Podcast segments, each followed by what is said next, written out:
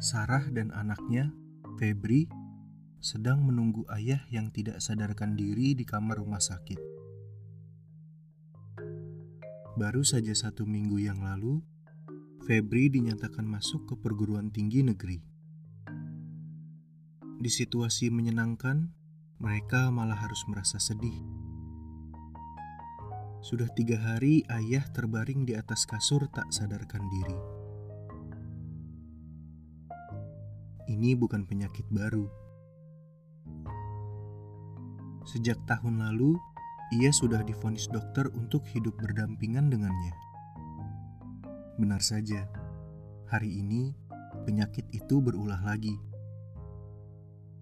Mendengar hal itu, ayah tidak patuh dan melanggar segala aturan.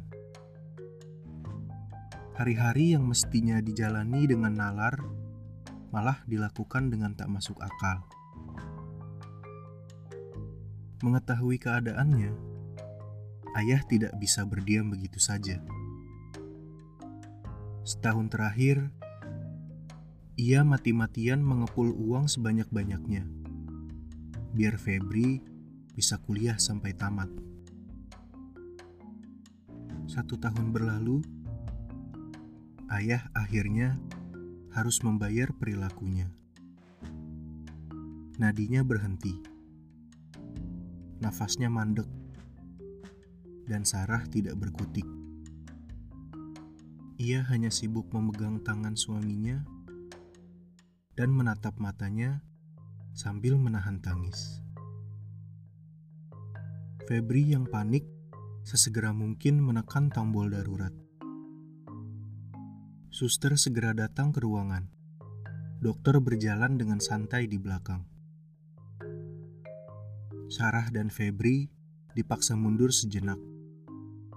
Sementara dokter dan suster berpura-pura bekerja untuk mengembalikan nadi dan nafas ayah. Setelah berlaga beberapa adegan, dokter harus menutup aksi dramatisnya dengan menyampaikan kalimat permohonan maaf karena sudah gagal menyelamatkan pasiennya. Mendengar berita itu, Febri langsung menyergap tubuh ayahnya.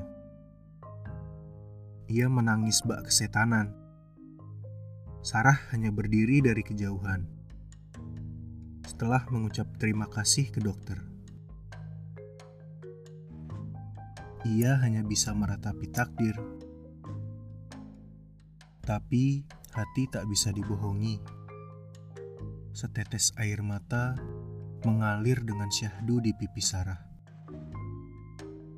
Ia harus kuat.